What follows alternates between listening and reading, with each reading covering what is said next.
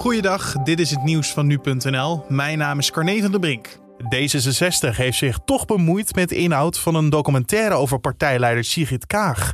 Terwijl het kabinet dat eerder ontkende. Dat blijkt uit stukken die zijn opgevraagd door Geen Stijl. De partij had onder meer moeite met een champagne-shot tijdens een werkreis naar Niger en beelden van een overleg waarin Kaag klaagt over Kamerleden. Ook moest er echt iets in de documentaire over haar idealen.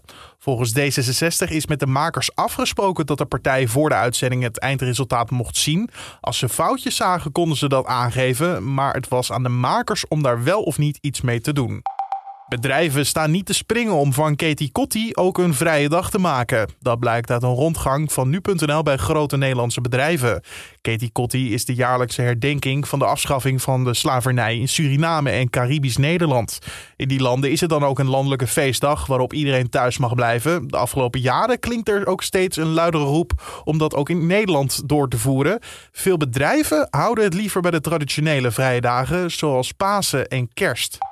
Nederlanders hebben vorig jaar bijna een derde minder reiskilometers afgelegd. In totaal gaat het om 150 miljard kilometers, fors minder vanwege de lockdowns. Dat meldt het CBS op basis van nieuwe cijfers. Hoewel er minder gebruik is gemaakt van de auto en het openbaar vervoer, is er in het coronajaar wel meer gewandeld.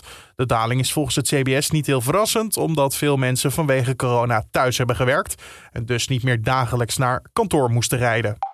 En dan het EK. Oekraïne heeft zich als laatste land voor de kwartfinales van het EK geplaatst. De wedstrijd tussen Oekraïne en Zweden ging gelijk op en dus moest er verlengd worden.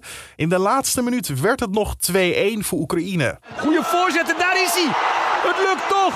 Oekraïne gaat naar de kwartfinale. Op het moment dat je denkt er is geen ontkomen meer aan aan die penalties gebeurt het toch. Zo was te horen bij de NOS. En de hele pool des doods, waar we zo bang voor waren, is uitgeschakeld. Duitsland verloor eerder namelijk met 2-0 van Engeland. Zij zijn door naar de kwartfinales. Vrijdag en zaterdag worden die kwartfinales gespeeld. En tot zover de nieuwsupdate van nu.nl.